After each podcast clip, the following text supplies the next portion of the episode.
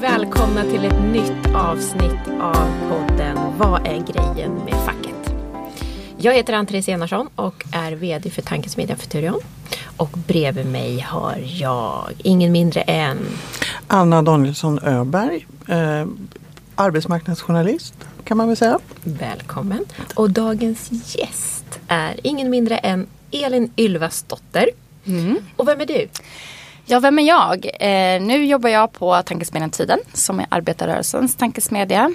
Eh, det vill säga Socialdemokraterna, ABFs och LOs eh, tankesmedja. Innan dess var jag ordförande för Socialdemokratiska studentförbundet. Just Och har även jobbat eh, politiskt i många år på olika sätt. Och det är ju lite därför du är dagens gäst idag. För mm. att du har ju då därmed också en lo ett långt lång, långt engagemang, mm. djupt engagemang i det här med organisera och engagera framförallt unga människor. Och det är det mm. vi ska prata om idag. Förutsättningarna för en stark fackföreningsrörelse framöver är ju att vi lyckas fånga engagemang och, och att kunna organisera oss. Mm. Så att vi är väldigt eh, nyfikna på att höra hur du tänker, dina erfarenheter och vad du tycker att facket borde lä kan lära sig eh, för att stå starka framöver. Mm. Mm. Så välkommen Elin! Tack så jättemycket! Den gängse bilden är väl att vi har, ett, eh, vi har en generation som eh, unga människor som har aldrig på så vad jag förstår historiskt sett varit så pass samhällsintresserade som man är. Men samtidigt kan man se någon slags att det, att det är svårt att fånga upp den här, det här samhällsengagemanget. Kanalisera det på rätt sätt in i politiken. De ungdomspolitiska förbunden backar. Man har svårt, eh, kanske delar av fackföreningsrörelsen ska jag säga, att också fånga det här. Vad, vad, vad, vad är din bild av, av engagemanget idag? Nej, men jag delar ju verkligen den bilden och, och det har jag eh, verkligen märkt av när jag är ute mycket och, och kampanjer och försöker organisera. Att intresset, engagemanget är enormt eh, för eh, våra stora samhällsfrågor och man är väldigt påläst och kompetent och, mm. och intresserad. Men man lockas inte av eh, ja, men framförallt kanske partipolitiken på samma sätt. Eh, men inte heller kanske det här fasta engagemanget i en och samma organisation. Eh, och det tror jag beror på ja, det finns nog flera orsaker varför. Men jag tror när det gäller just partiengagemang är det jag ofta får höra är att man, man vill inte skriva på ett helt liksom partiprogram som många tror att man måste göra. Att ja men då måste jag hålla med Socialdemokraterna och då i mitt fall hålla med Socialdemokraterna om allt. Eh, och det gör jag inte utan det här tycker jag är fel och det här tycker jag man borde göra och så vidare. Och det borde ju gälla tänker jag för vilket en parti man ska säga. Det tror jag verkligen gäller för, för de allra flesta partier. Jag tror att framförallt för stora partier eller stora organisationer så blir det där en särskild utmaning eftersom man har en kanske längre historia för Socialdemokraternas fall. Men man kanske också har en man har en bredare målgrupp att vända sig till. Det kanske är lättare för de mindre partierna att kunna fokusera på unga. Men jag tror att många unga också, den unga generationen, vill man hittar sin fråga som man blir väldigt engagerad i. Det kan vara miljöfrågor, det kan vara eh, feministiska frågor, det kan vara någonting annat. Och lägga sitt fokus där. Jag tror att man har svårt att skriva på liksom ett helt koncept eller gå med på, på en hel berättelse. Och det behöver man ju inte göra bara för att man går med i ett parti. Men jag tror att många tror att det är bilden av det. Men mm. fackligt engagemang, där är det ju faktiskt lite, där, där, där kan man ju en, det är mer en enfråge möjlighet. Alltså mm. man kan, arbetsmiljö eller vad det nu jämställdhet eller så. Mm. Tror du att alltså finns det, borde det finnas större möjligheter för facket då att organisera unga? Utifrån det du säger? Ja, alltså på ett sätt borde det ju vara det. Um, men det jag tror att det, det utmaningen är det är att de unga jag träffar ute är mm. ju ganska skeptiska till så här, men vad innebär det här? Vad går jag med på då? Vad skriver jag under på då? Um, och jag tror att som fackförbund eller egentligen vilken organisation som helst så måste man vara väldigt tydlig med så, men vad kan, vad, vad får jag som medlem ut av det här? Um, What's in it for me? Ja, och jag tror om man kollar på de rörelser som faktiskt är framgångsrika vad gäller unga. Det är ta typ Bernie Sanders, USA. Eh, engagerar, organiserar otroligt många unga. Det är liksom en jättestor målgrupp. Mm. Men vi har även Sverigedemokraterna i Sverige som är duktiga på att nå ut till unga. Eh, och vi har eh, ja, men Donald Trump är också liksom duktig på att, att fånga upp det här engagemanget. Så det finns ju ändå metoder och det tror jag är den gemensamma nämnaren för de här tre rörelserna som är väldigt olika. Men framförallt Bernie Sanders och Donald Trump är ju mm. varandras motsatser. Men det de gör eh, Eh, och det de gör väldigt bra det är att de, de fångar upp det engagemanget som finns. De kanaliserar det och de erbjuder medlemmar, medlemmarna eller väljarna någonting. Eh, det blir inte så mycket att kom nu och hjälp till utan mer så här, vi vill lyssna på dig. Vi vill är intresserade av vad du har att säga. Och det tror jag är eh, nyckeln till att organisera en engagerad men kanske också ganska skeptisk generation. Att man vill känna att man har inflytande, kunna påverka. Annars kan man lägga sin tid på någonting annat. Um, men om man då ser mm. till till exempel LO då som har jättestora alltså, bekymmer jämfört med TCO och SACO när det gäller medlemsantal. Vad är det och oftast är ju kanske, inte vet jag, medelåldern bland många företrädare runt 50. Mm. eh, vad är det de gör fel tror du? När de, liksom, ungdomar inte lyssnar eller känner sig lockade av det de försöker ändå locka med? Mm. Jag tror att just företrädarfrågan, det finns ju lite delade meningar om hur, hur viktigt det är. Eh, om man tar Bernie Sanders så är han ju, vad är han, 77. Ja. Lyckas ändå organisera. Så det verkar inte vara generations... Nej, det verkar inte vara generationsbundet. Mm. Men det är klart att det är viktigt att man har unga företrädare som är ute. Och, och det är också en förtroendefråga och en överlevnadsfråga att ha många unga.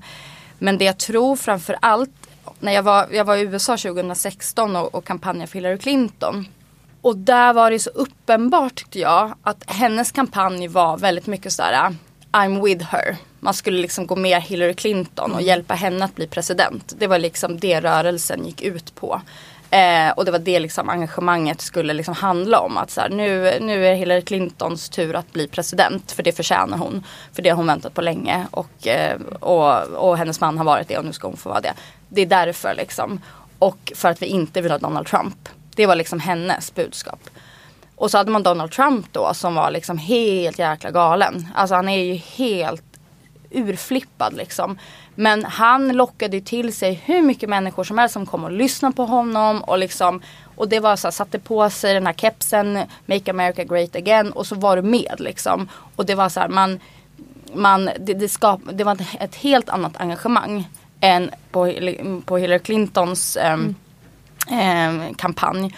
Och det där tror jag är verkligen det måste kännas, medlemmarna måste känna sig, eller de potentiella medlemmarna måste känna sig välkomna och att att det finns ett driv, att det finns liksom förändringsvilja. Att, att få vara med i själva förändringen. Ja, men vet, precis. Att, att, kliva in själv och, och liksom bli lyssnad på ja. och kunna driva. Är det det? Ja. Även om, om jag minns, om jag får lägga in en passus, mm. var, inte, var det inte så um, att, att samtidigt som du har rätt i din beskrivning men, men jag tänker på var det inte väldigt många unga som eh, faktiskt ändå röstade på Hillary? I Absolut. Ja. Men när det kommer just till eh, engagemanget och när man också var där i USA så märkte man att ja, men, hennes kampanj var ganska sval i jämförelse med, med Donald Trump. Att det var mycket att så här, vi vill inte att Donald Trump eh, var hennes budskap. Ja. och, och Donald Trump var ju någonting helt annat liksom. Och att den här polariseringen skapade ju också en polariserad kampanj på något sätt. Så att jag tror det här engagemangs... Att bjuda driv, in. Liksom. Ja men bjuda in och engagemangsdrivna eh, organiseringen tror jag kommer behöva vara nyckel för att unga idag är skeptiska. Varför ska jag gå med i det här om jag kan lägga min tid på det här istället? Det måste finnas, eh, det måste finnas en möjlighet för liksom, lustfyllt engagemang. Inte bara tvång. Men då kanske jag är konservativ och ålderdomlig då. Men då tänker jag så här, jaha. Ska, ska, ska, jag, ska gå med, jag är med Eva eller jag är med Karl Petter typ. Det, liksom? nej, nej men tvärtom. Nej, eller Eva Nordmark på TCO eller Karl Petter Thorwaldsson Tvärtom. Det var, jag, jag tror det är det Hillary, alltså om man tar Hillary Clinton som exempel igen. Mm. Det var det jag tror att hon, att det var för mycket fokus på liksom I'm with her. Att man skulle gå med i Hillary Clinton-rörelsen. Jag tror att många idag vill känna att de har ett ett, eh, att det är liksom en, ett medlemsdrivet engagemang. Att jag som person också betyder någonting mm. i den här organisationen. Eh, och hitta fler vägar att engagera sig. Att vi idag kanske är ganska, vad ska man säga, ja, men vi är lite stolpiga. Man ska gå på möten och man ska det liksom eh, möte onsdag kväll klockan 18 och så ska man, har man en dagordning och sen är det avslut. Alltså det är liksom mycket det här ganska traditionella eh, mötesformer kanske och det passar ju en, ja, men kanske en typ av människa men många andra kanske inte passar, som, eh, passar så bra för. Som jag som är småbarnsförälder passar inte jättebra och liksom ses klockan 18 en vardag. Eh, så vill, man behöver också hela tiden tänka sig vilka grupper passar den här organisationsformen för och hitta olika typer av sätt att mötas och, och diskutera saker.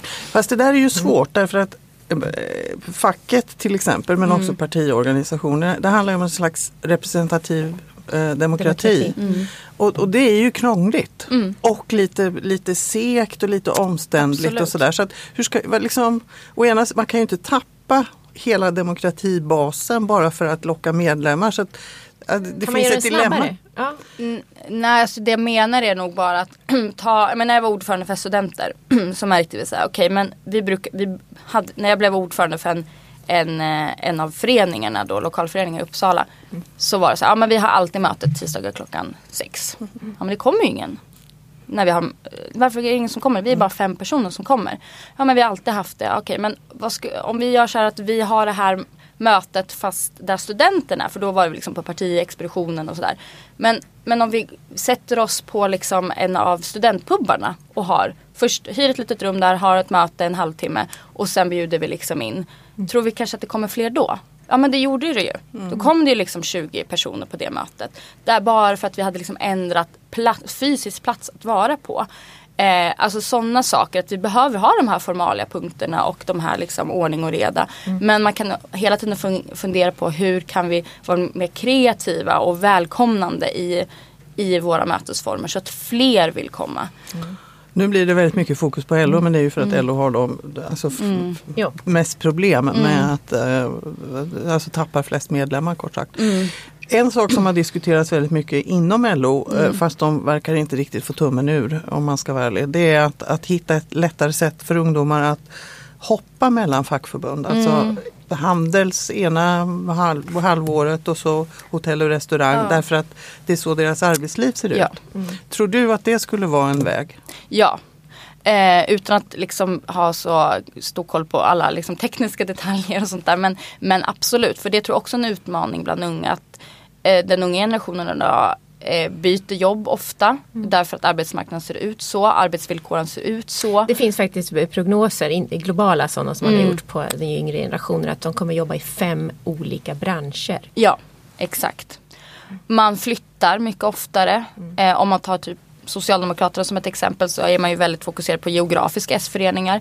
Men i, eh, att man, man organiserar sig där man bor. Men när man, om man flyttar väldigt många gånger på ett år kan det ju handla om för en ung. Eh, sån här fasta tillhörigheten i ett, ett yrke eller i en, i en bostadsort. Den, det är ju lite grann i förändring och då behöver också organisationerna hänga med där. Eh, så svar ja. Så ett skräddarsytt mm. livslångt medlemskap på något sätt ja, om, man, om, man, vill ha det förstås. Om man vill ha det, ja. Så ska det kunna gå eh, att ha det. Ja, mm. precis. Och det är väldigt komplicerat ibland uppfattar ju många. Det är den feedbacken jag rent personligen får. Verkligen. Eh, det här att byta, byta förbund. Mm. Och, och, så ska vi inte prata om hur det är att byta a-kassa. Nej. Det är ju, nej, det är ju det är lättare att byta bank säga, mm, ja. och eh, försäkringsbolag ja. idag. Mm. Och det kanske är en, en, en, en bra feedback tillbaks mm. in i, i, i, där vi kommer ifrån och vi jobbar. Ja mm. precis. Mm. Mm. Så, Så mer kreativa och välkomnande och what's in it for us. Eh, helt enkelt. En fråga som definitivt om man tittar på ungdomsmätningar, generationsmätningar av olika slag så ser man ju helt klart till exempel att jämställdhet engagerar över eh, båda könen så att säga. Men, mm. men framförallt det främsta identifikationsordet för unga kvinnor idag är ju feminist. Mm.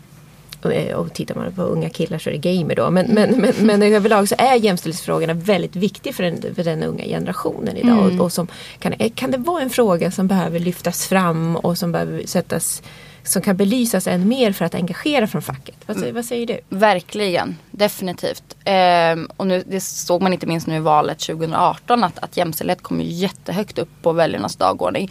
Och valrörelsen präglades ju inte jättemycket av de frågorna. Så att det är ju en fråga som... som eh, Glömmer vi bort den? Sjabblar vi bort den? Ja men det gör vi. Mm. Eh, det gör vi och eh, jag tror att vad gäller liksom jämställdhet så det finns ju en anledning till att den frågan är viktig bland unga. Därför att man upplever ju enormt stora problem i sin vardag kopplat till ojämställdhet och framförallt på arbetsmarknaden. Och jag tänker just för unga tjejer men för kvinnor överlag så har vi den hela stressrelaterade problematiken. Mm. Och den följer liksom med hela livet. Man vet ju att unga flickor, vi pratar 7-8-åringar, är ju stressade. Och sen är den här liksom magont-stressen följer med genom hela livet men på olika sätt. Så det här är ju en reaktion på att man upplever stora problem i samhället och att man vill att facket och att politiken ska börja ta det här på allvar och uppmärksamma de här frågorna.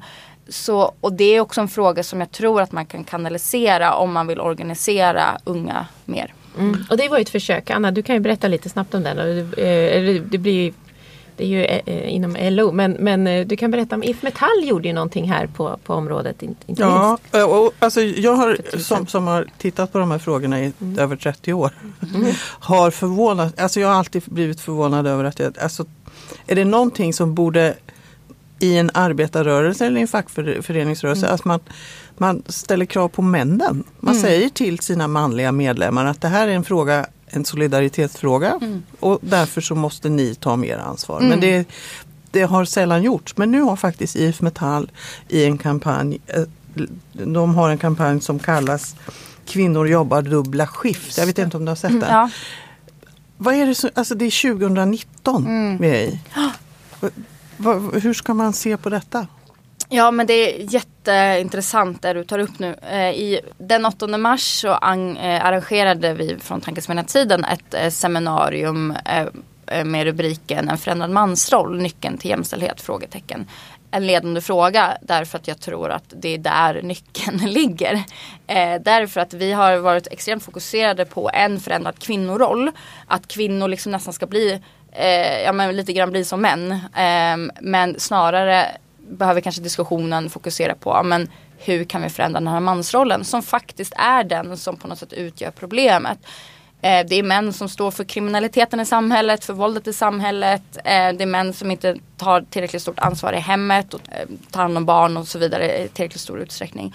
Så där är ju nyckeln och då tycker jag det är väldigt bra att de här eh, mansdominerade fackförbunden som typ IF Metall men även Byggnad som har jobbat jättemycket mm. med de här frågorna gör det. Mm. Och jag tycker att det är, är fantastiskt att, och att de någonstans kan gå i bräschen. Att det inte är liksom de kvinnodominerade fackförbunden som måste liksom driva på jämställdhetsfrågorna enbart. Utan att de mansdominerade fackförbunden faktiskt också gör det. Eh, Byggnads eh, har, driver ju den här kampanjen liksom, förändra machokulturen eller stoppa machokulturen. Mm. Eh, just dels för att locka in fler kvinnor i branschen. Eh, men också för att man har stora, stora problem med sexism och en, en, en problematisk kvinnosyn inom, inom eh, byggsektorn. Och de har ju varit ganska framgångsrika det så vitt jag vet men har ju jättestora utmaningar kvar. Så det tror jag är mm. jätteviktigt. Jag gjorde eh, ett jobb åt Elektrikerförbundet där jag intervjuade tio kvinnliga elektriker. Mm. Och de hade hemska berättelser mm. alla tio. Mm. Eller hemska, mer eller mindre hemska ska jag mm. säga. Det intressanta var att alla tio sa att de älskar sina jobb. Mm. Och de konstaterar att de har högre lön, betydligt bättre arbetsvillkor än om de till exempel skulle jobba inom vården. Och det här är signaler som på något sätt, vi har en väldigt väldigt könsuppdelad arbetsmarknad ja. i Sverige. Ja, extremt, extremt jämfört med många andra. Mm. Ändå får vi liksom inte fram de här positiva signalerna att det finns fördelar med att jobba i, i mansdominerade sektorer för kvinnor. Mm. Har du något vettigt svar på detta? Ja men där är väl återigen tycker jag intressant att vi på ett sätt väldigt, den, jag tycker den stora diskussionen just nu är, är ju hur vi ska få fler kvinnor i, i mansdominerade branscher. Att, men, Byggnads har pratat mycket om det, IF Metall har pratat om det. Den, jag tror att man får vända på det och fråga sig varför är det så få män som söker sig till kvinnodominerade branscher. Eh, och det tror jag på ett sätt kommer vara svårare än att få in kvinnor på mansdominerade arbetsplatser. Dels på grund av arbetsvillkoren i de kvinnodominerade branscherna som är mycket sämre. Men också att jag tror apropå det vi pratade om tidigare, en förändrad mansroll. Jag tror att det är lättare att förändra kvinnorollen än vad det är att förändra mansrollen på många sätt. Även om den såklart också är i förändring. Eh, men det är lättare att säga till en kvinna eh, att eh, liksom lägga skulden på henne eller lägga ansvaret på henne att förändra eh, ojämställdheten än vad det är för män att ta sitt ansvar. Paradoxalt nog så är det ju så att, att den bransch som nu framåt, mm. framåt kommer att ha enorm brist så är det ju hela offentlig sektor ja. och inte minst vården. Vi behöver fler män där. Ja, jag, jag var på ett seminarium häromdagen där man konstaterat Ja, vi kanske får, alltså, nu med teknisk utveckling, bu bussförare behövs inte för de går automatiskt bussarna. Mm. Och då kan, då, ja, ska vi slussa in dem till, mm. till vården mm. var det någon som föreslog. Mm. Och det kanske det skulle vara en väg då möjligen. Ja. Och jag tror att det kanske också är ett fantastiskt sätt att förändra mansrollen. Att få in fler män i vård och omsorgsyrken.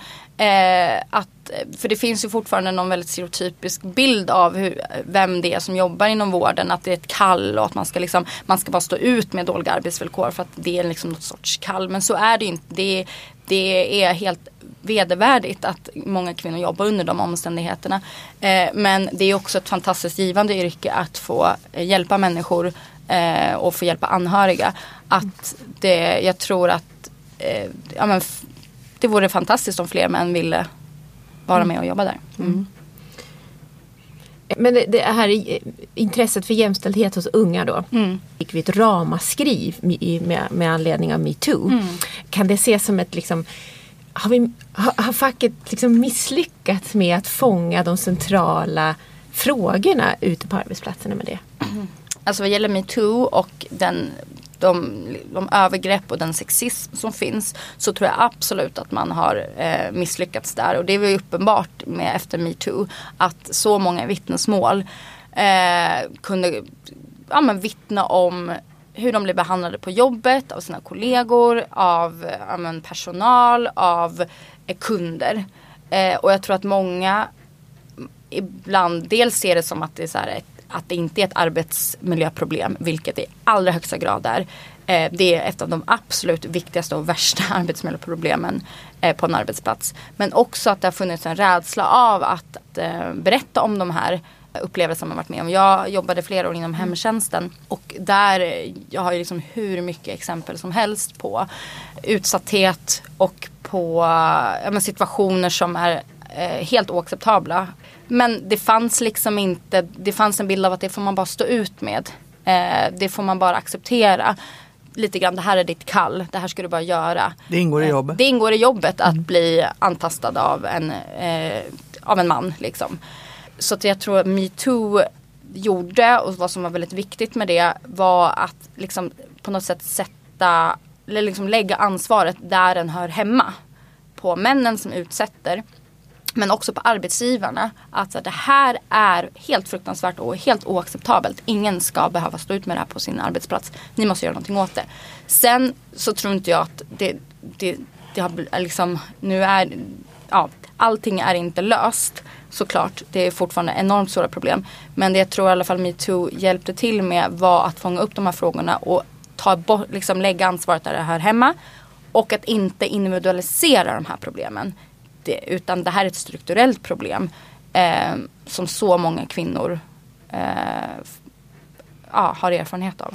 Det svåra verkar vara ibland man får känsla av att på, på central nivå, alltså på mm. förbundsnivå, mm. så pratar man om det här och träffar avtal och, och hittar olika sätt, man säger aktioner och hittar olika sätt att mm. Eh, försöka komma åt problemet. Liksom. Tack. Mm.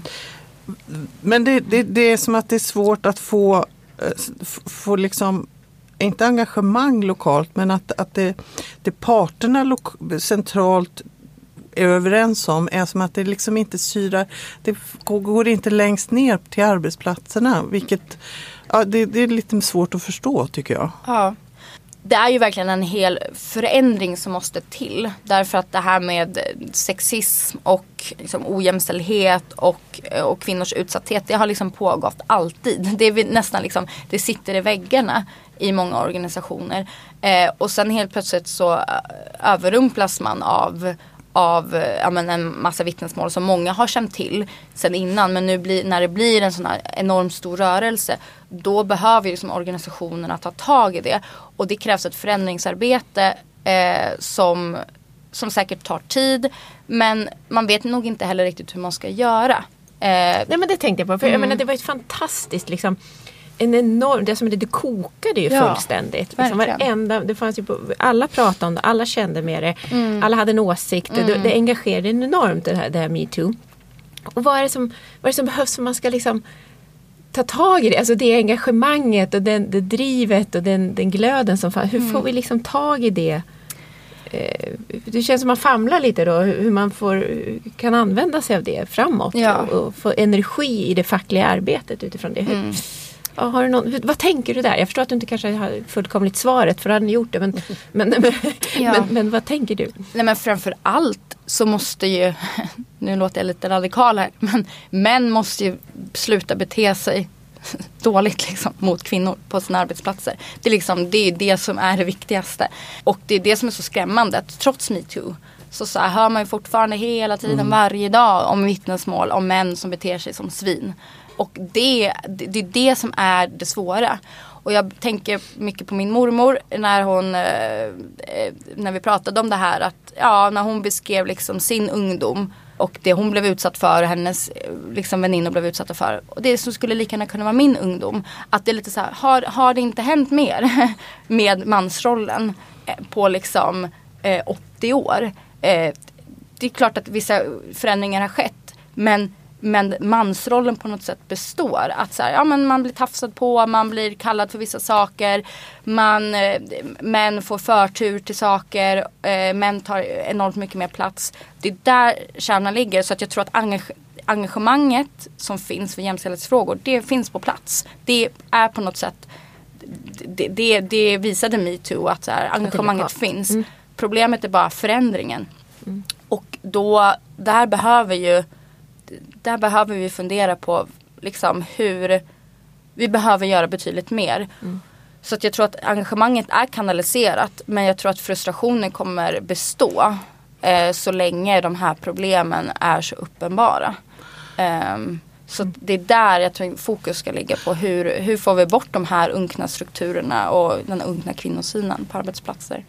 Men sen igen är det min erfarenhet när man pratar med, om de här frågorna eh, ute på arbetsplatser att det är många som till exempel skyddsombud eller sådana mm. som är intresserade av arbetsmiljöfrågor mm. som inte riktigt har klart för sig att det här ingår i mm. hela arbetsmiljöpaketet så att säga och i diskrimineringslagen. Alltså vi, mm. vi är skyldiga det inte, handlar inte bara om liksom hur hjälmar eller Nej. vad det nu är på jobbet utan det här är en väldigt precis lika viktig del i skyddsarbetet. Och, ja. och det är någonting som jag tycker man har missat i att få ut faktiskt. Verkligen och det, det, det, precis att jag tror att man behöver få in det mycket mer i tänket att det här är en, ett, ett arbetsmiljöproblem. Mm. Det handlar inte bara om de här två personerna som, eller liksom den som utsätter och den som blir utsatt. Det är inte ett individuellt problem utan det är ett strukturellt problem. Det är ett arbetsmiljöproblem. Det är ett, ett, ett chefsansvar, ett mm. arbetsgivaransvar som man måste ta. Precis på samma sätt som om någon eh, Ja men att man, man ser till att sina, sina anställda har eh, hjälm eller tar liksom ut semester eller vad det nu kan vara. Ser till att de får återhämtning så måste man se till att inge, ingen blir utsatt på arbetsplatsen eller att ingen utsätter på arbetsplatsen. Mm. Att få in det strukturellt det tror jag verkligen är en sån konkret mm. eh, nyckel mm. till förändring. Mm. Nej men apropå jämställdhet så ser man ju då en motrörelse som är, det är på något sätt som att det är parallella. Det blir en polarisering? Ja, det, exakt. Det är, en, det är parallella rörelser. Vi har en enorm feministisk rörelse på frammarsch. Men vi har en mm. enorm mansaktivistisk rörelse ledd kanske av Donald Trump. Eh, där liksom det här att rätten att få vara man är liksom väldigt central i hela Donald Trumps budskap på något sätt. Att ja men låt mig få köra bil och äta kött och liksom Eh, vara man i den här extremt stereotypa mansrollen. Så det tror jag är en utmaning för, för den feministiska rörelsen apropå det här hur vi ska organisera eh, unga eh, kvinnor som är intresserade av jämställdhet. Att vi också har en, en motståndsrörelse i form av, som är väldigt aggressiv mot feminister och aggressiv mot, mot kvinnor. Och det kommer vi behöva förhålla oss till. Ungdomar idag är jätteoroliga för framtiden. Alltså man är orolig eh, och jag får väl definiera mig själv fortfarande som relativt ung med mina 28 år. Att man, eh, det är, som arbetsmarknaden är osäker, bostadsmarknaden är osäker. Eh, hela världen är osäker. Alltså det är mycket, det är mycket obehagligt som händer. Det är, och hela miljö och klimatförändringarna. Alltså, allt känns läskigt på något sätt. Och jag tror att det är en av förklaringarna till att många unga idag är ganska konservativa. Att man ser en konservativ utveckling bland unga. Att man till exempel är väldigt, eh, eh man vill bo, alltså det här med att bo Tryggheten. trygghet, mm. alltså materiell trygghet. Så här. Man vill ha ett fast jobb eller liksom en inkomst, man vill ha en bostad, man vill bilda familj. Man ser att många unga idag ju, jag vill gärna vara hemma med mm. familjen på fredag och lördagar. Det finns den här liksom trygghetsskapandet någonstans som är väldigt centralt för unga och det tror jag att facket måste bli bättre att fånga upp. Ja. Att egentligen lära känna sina framtida eller nutida men också framtida medlemmars eh, eh, både känslor och farhågor. Ja. Men inte, borde, det märk, alltså jag tycker det är lite konstigt om att vi pratade arbetsmiljö förut. Mm. Borde, borde, var, varför engagerar sig inte facket mer i, i klimat och li, miljöfrågor i, äh, utanför jobbet så att säga men som ändå har med livet att göra? Mm. Det är verkligen en sån där fråga som facket borde kunna lyfta upp mer och också kopplat till arbetslivet därför att vi kommer behöva ställa om på ett eller annat sätt. Eh, det kommer påverka arbetsmarknaden på ett eller annat sätt. Men det handlar också om människors liksom, ja, men välmående på något sätt som såklart också påverkar arbetsmarknaden eller arbetsplatsen. Så det är verkligen en sån fråga som, som facket borde, borde engagera sig mer i.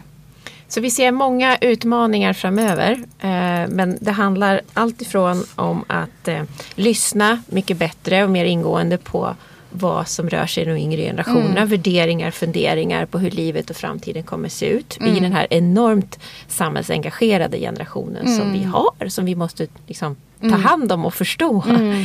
Eh, det handlar om att vara kreativa när det gäller var och hur vi möts och hur mm. vi organiserar våra organisationer för att stå starka framöver. Eh, vi måste se till att det finns eh, en, en möjlighet att bland annat kunna engagera sig Eh, på sin arbetsplats och sina arbetsplatser som vi ser nästa generation kommer ha betydligt fler av. De livslånga mm. anställningarna är ju inte längre så aktuella. Mm. Vi ser ju fem branscher i framtiden som man åtminstone kommer säkerligen jobba i. Jämställdhet som en av de viktigaste frågorna och feminist som någon slags identifikation för en ung kvinnlig generation som vi måste ta till oss. Tack så mycket Elin. Ja, Många spännande tankar vi tar med oss i vårt arbete framöver och jag hoppas att vi ses snart igen. Ja, tack för att du fick komma. Tack Elin och tack Anna. Tack.